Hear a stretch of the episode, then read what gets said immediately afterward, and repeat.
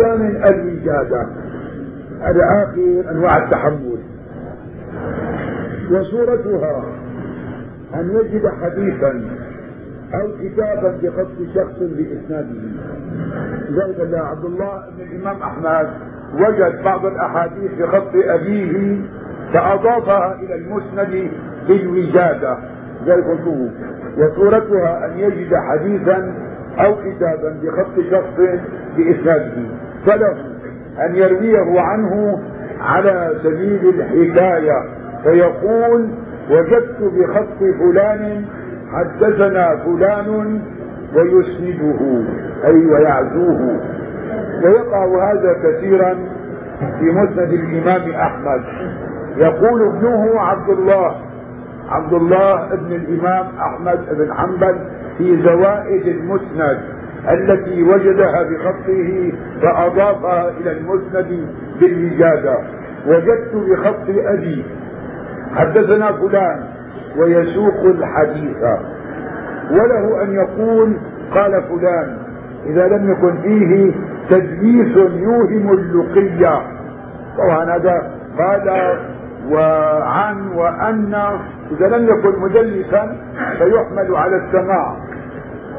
قال ابن الصلاح وجازف بعضهم فأطلق فيه حدثنا أو أخبرنا وانتقد ذلك على فاعله وإنما مثل ما ساوى عبد الله بن الإمام أحمد وجدت بخط أبي حدثنا فلان يعني أبوه يقول حدثنا فلان فيذكر الحديث بإسناده عن أبيه. وله أن يقول فيما وجد من تصنيفه بغير خطه ذكر فلان وقال فلان أيضا ويقول بلغني عن فلان. إذا بغير خطه. فيما لم يتحقق أنه من تصنيفه أو مقابلة كتابه. والله أعلم. قلت والوجادة ليست من باب الرواية وإنما هي حكاية عما وجده في الكتاب.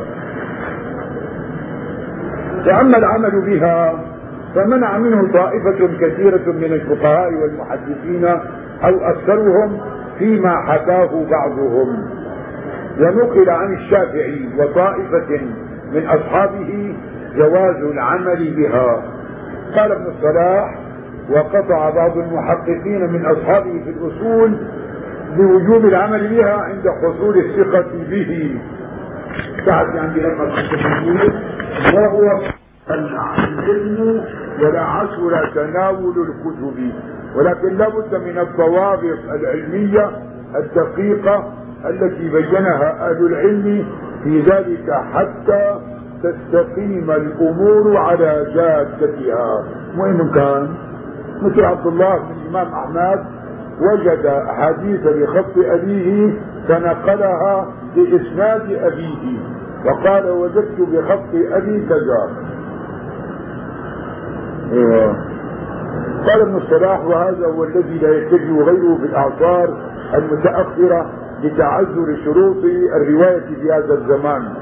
يعني فلم يبقى إلا مجرد وجادات هذه الوجادات وجدنا كتاب لفلان بخطه أو الآن بتأليفه. ولم نعرف عن تأليف البخاري تأليف كذا. ولكن جمهور العلماء على أن هذا الصحيح للبخاري أن هذا الصحيح لمسلم أن السنن للترمذي أن السنن لأبي داود هذا باعتبار صار شائعا بين الناس قلت يعني فلم نفق أيوه قلت ابن كثير وقد ورد في الحديث إيه؟ نعم في كل أنواع الرواية في الحديث من السماع إلى الإجازة يجب على الراوي العمل بما صح إسناده عنده من روايته من غير خلاف. وإن خالف في ذلك المقلدون المتأخرون وخلافهم لا عبرة به لأنهم يقرون على أنفسهم بالتقليد وبأنهم تركوا النظر والاستدلال وتبعوا غيرهم.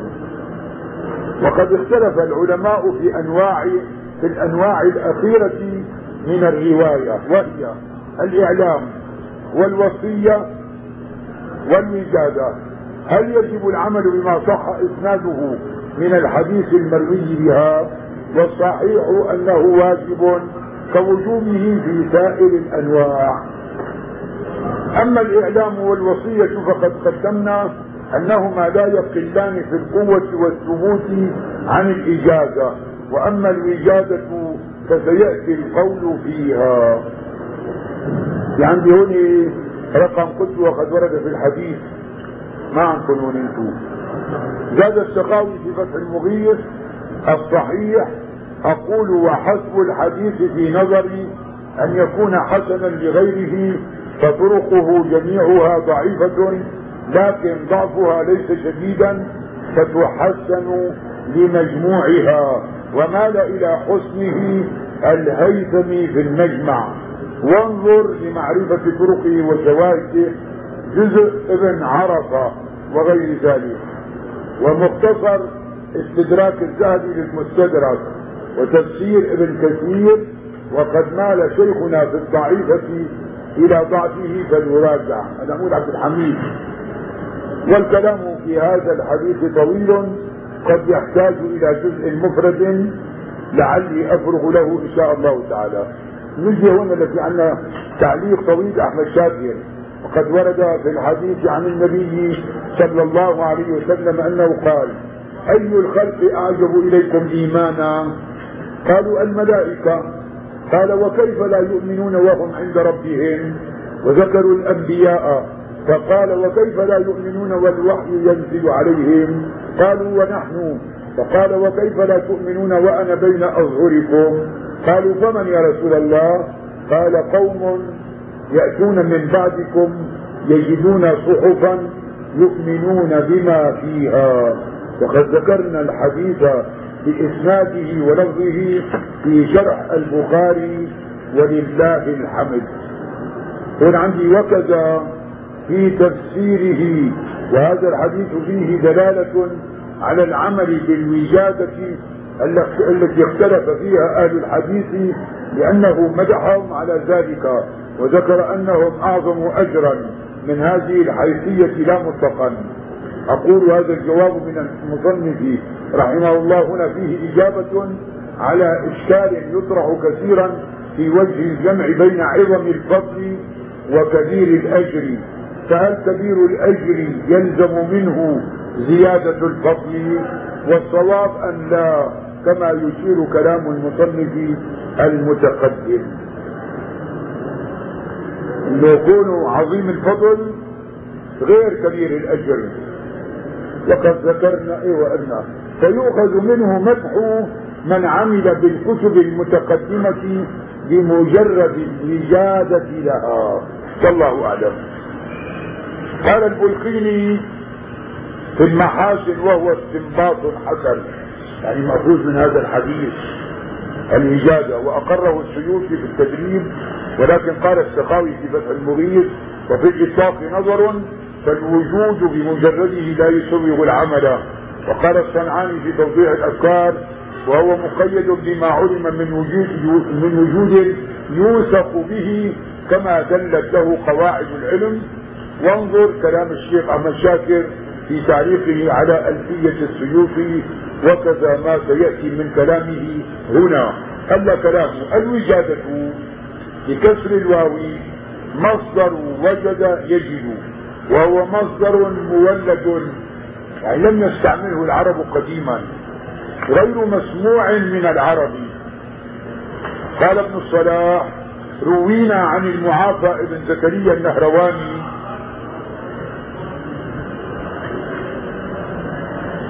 أن المولدين فرعوا قولهم وجادا فيما أخذ من العلم من صحيفة من غير سماع ولا إجازة ولا مناولة من تفريق العرب بين مصادر وجد للتمييز بين المعاني المختلفة.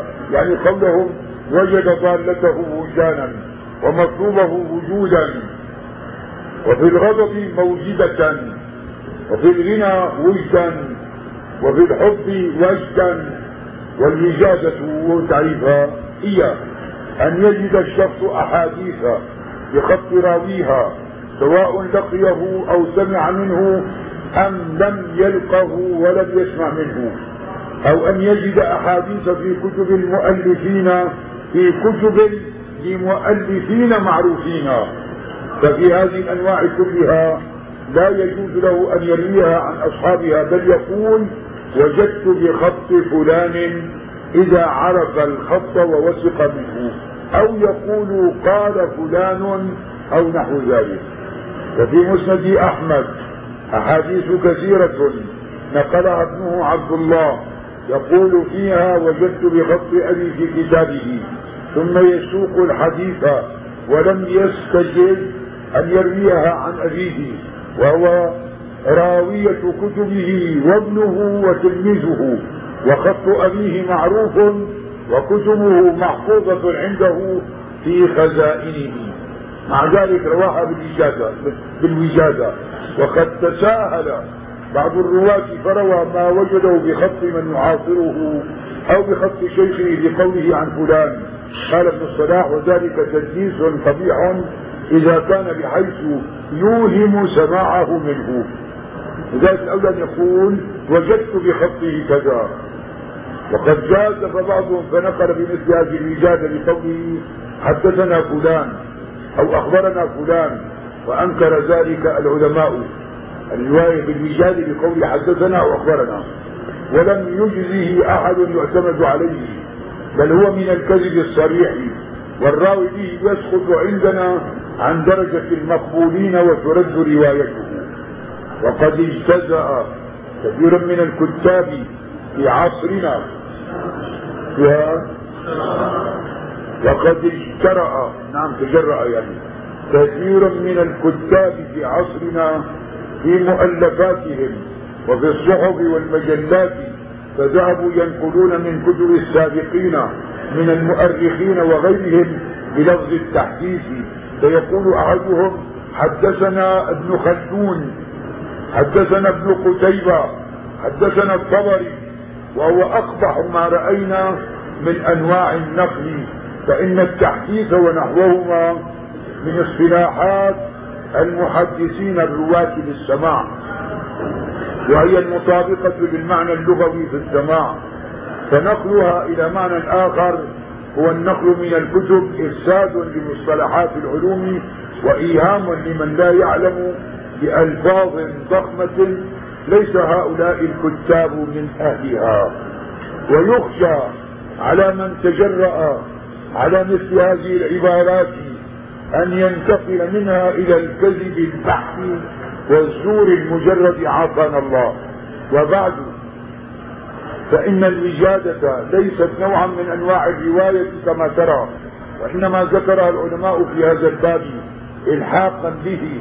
لبيان حكمها وما يتخذه الناقل في سبيلها. وأما العمل بها فقد اختلف فيه قديما. فنقل عن معظم المحدثين والفقهاء المالكيين وغيرهم أنه لا يجوز. وحكي عن الشافعي وطائفة من نظار أصحابه جوازه. وقطع بعض المحققين من الشافعية وغيرهم بوجوب العمل بها عند حصول الثقة بما يجده القارئ أي يثق بأن هذا الخبر أو الحديث بخط الشيخ الذي يعرفه أو يثق بأن الكتاب الذي ينقل منه ثابت النسبة إلى مؤلفه. ومن البديهي بعد ذلك اشتراط أن يكون المؤلف ثقة مأمونا وأن يكون إسناد الخبر صحيحا حتى يجب العمل به. مثل إذا عبد الله نقل بالنجاد عن أبوه يكون الإسناد صحيح. وجزم ابن الصلاح بأن, بأن القول بوجوب العمل بالوجادة هو الذي لا يتجه غيره في هذه الأعصار المتأخرة. فإنه لو توقف العمل فيها على الرواية لانسد باب العمل في المنقول لتعذر شرط الرواية فيها. أنا ما في رواية وإنما عم ياخذ كتابه ينقل منه لتلاميذه قال السوقي في التدريب قال البلقيني واحتج بعضهم بالعمل بالوجادة بحديث أي الخلق أعجب إيمانا أرناه قالوا الملائكة. قال وكيف لا يؤمنون وهم عند ربهم؟ قالوا الأنبياء. قال وكيف لا يؤمنون وهم يأتيهم الوحي؟ قالوا نحن. قال وكيف لا تؤمنون؟ وأنا بين أظهركم. قالوا فمن يا رسول الله؟ قال قوم يأتون من بعدكم يجدون صحفا يؤمنون بما فيها. قال البلقيني وهذا استنباط حسن. قلت المحتج بذلك. الحافظ عماد الدين بن كثير وذلك وذكر ذلك في أوائل تفسيره. والحديث رواه الحسن بن عرفة في جزئه من طريق عمرو بن شعيب عن أبيه عن جده. وله طرق كثيرة أوردتها في الامالي وفي بعض ألفاظه بل قوم من بعدكم يأتيهم كتاب بين لوحين يؤمنون به ويعملون بما فيه أولئك أعظم منكم أجرا. خرجه أحمد والدارمي والحاكم من حديث أبي جمعة الأنصاري. وفي لفظ للحاكم من حديث عمر يجدون الورقة المعلقة فيعملون بما فيه فهؤلاء أفضل أهل الإيمان إيمانا. وهذا الاستدلال الذي ذهب إليه بالكثير هنا وفي تفسيره وارتضاه البلقين والسيوطي فيه نظر ووجوب العمل بالإجازة لا يتوقف عليه لأن مناط وجوبه إنما هو البلاغ وثقة المكلف المكلف بأن ما وصل إلى علمه صحت نسبته إلى رسول الله صلى الله عليه وسلم والوجادة الجيدة التي يطمئن إليها قلب الناظر لا تقل في الثقة عن الإجازة بأنواعها وأن الإجازة على حقيقتها إنما هي وجادة معها إذن من الشيخ بالرواية ولن تجد في هذه الأزمان من يروي شيئا من الكتب بالسماع إنما هي إجازات كلها إلا فيما ندر والكتب الأصول الأمهات في السنة وغيرها تواترت روايتها إلى مؤلفيها بالوجادة ومختلف الأصول العتيقة الخطية الموصوف بها ولا يتشكك في هذا إلا غافل عن دقة المعنى في الرواية والوجادة أو متعنت لا تقنعه حجة. ثم إن السيوطي في ألفية ألفية المصطلح أشار إلى اعتراض بعض العلماء على مسلم بن الحجاج صاحب الصحيح فقد انتقدوا عليه بعض أحاديث مرويه بالوجاده والوجادة كما والوجادة كما تقدم حكمها منقطعة لأنها ليست من الرواية والذي ذكره في التدريب ورأيناه في صحيح مسلم ثلاثة أحاديث هي حديث عائشة تزوجني رسول الله في ست سنين صحيح مسلم. وحديثها أيضا قالت قال لي رسول الله إني لأعلم إذا كنت عني راضية. وحديثها أيضا إن كان رسول الله صلى الله عليه وسلم ليتفقد يقول أين أنا اليوم؟ أين أنا غدا؟ وكلها بهذا الإسناد. حدثنا أبو بكر بن أبي شيبة قال وجدت في كتابي عن هشام عن أبيه عن عائشة. وقد أجاب في الألفية عن هذا النقد تبعا للرشيد العطار بأن مسلما روى الأحاديث الثلاثة من طرق أخرى موصولة إلى هشام وإلى أبي أسامة. إذا هذه الأحاديث الثلاثة التي رواها مسلم بالوجادة موجودة في رواها من طرق أخرى موصولة إلى هشام إلى وإلى أبي أسامة. وهذا الجواب صحيح في ذاته لأن مسلما رواه كذلك. وأجاب في التدريب بجواب آخر وهو أن الوجادة المنقطعة أن يجد في كتاب شيخه لا في كتابه عن شيخه فليتأمل. فهذا الجواب هو الصحيح المتعين هنا. لأن الراوي إذا وجد في كتاب نفسه حديثا عن شيخه كان على ثقة من أنه أخذه عنه. وقد تخونه ذاكرته فينسى أنه سمعه منه فيحتاط تورعا ويذكر أنه وجده في كتابه كما فعل أبو بكر ابن أبي شيبة رحمه الله. عم هذا من الاعتراض على مسلم. لأنه روى عن أبي بكر بن شيبة عن هشام مجازة وأن أبا بكر لم يسمع من هشام وإنما يروي عنه بالواسطة كأبي أسامة وابن علي وغيرهما. وعليه فهو أعني هشاما ليس شيخا لأبي بكر خلافا لما يوهمه كلام الشارح رحمه الله. على كل حال هذا الآن هذه الكتب التي بين أيدينا أخذت بالوجادة عن أصحابها. فنحن الآن ما بنروي لا بالسماع ولا بالعرض ولا بالمناولة وإنما نأخذ هذه الكتب المشهورة كالبخاري ومسلم وغيره ولكن صحت لأنها من مثلا عن فلان. لذلك أحيانا في بعض الكتب مثل مثلا آه، شو ابن القيم كتابه في الرقائق. لا جابر الصيب من الكريم الطيب هذا عبارة عن آه، أدعية وأذكار أما في له كتاب آخر. هذه الأرواح. لذلك هذا قالوا بالوجادة لأنه يخالف في هذا الكتاب كثير من الروايات التي رواها في غير هذا الكتاب. فإما أن هذا الكتاب لم يؤخذ بالوجادة عنه أو أنه ألفه في أول حياته. فلذلك ترى أشياء غريبة. ولا زور إعلام الموقعين ترى غير أشياء مو موجودة من هذا النوع اللي جابها في هذا الكتاب. فلذلك إذا تحققنا وتأكدنا من أن هذا الكتاب هو لهذا المؤلف والمؤلف ثقة فينقل عن كتابه في هذه الأعصر المتأخرة.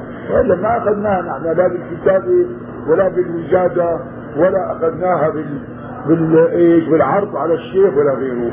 لذلك أي كتاب صحت نسبته إلى قائله نروي عنه ونقول جاء في الكتاب الفلاني أن فلانا قال حدثنا كذا أخبرنا كذا. والحمد لله رب العالمين.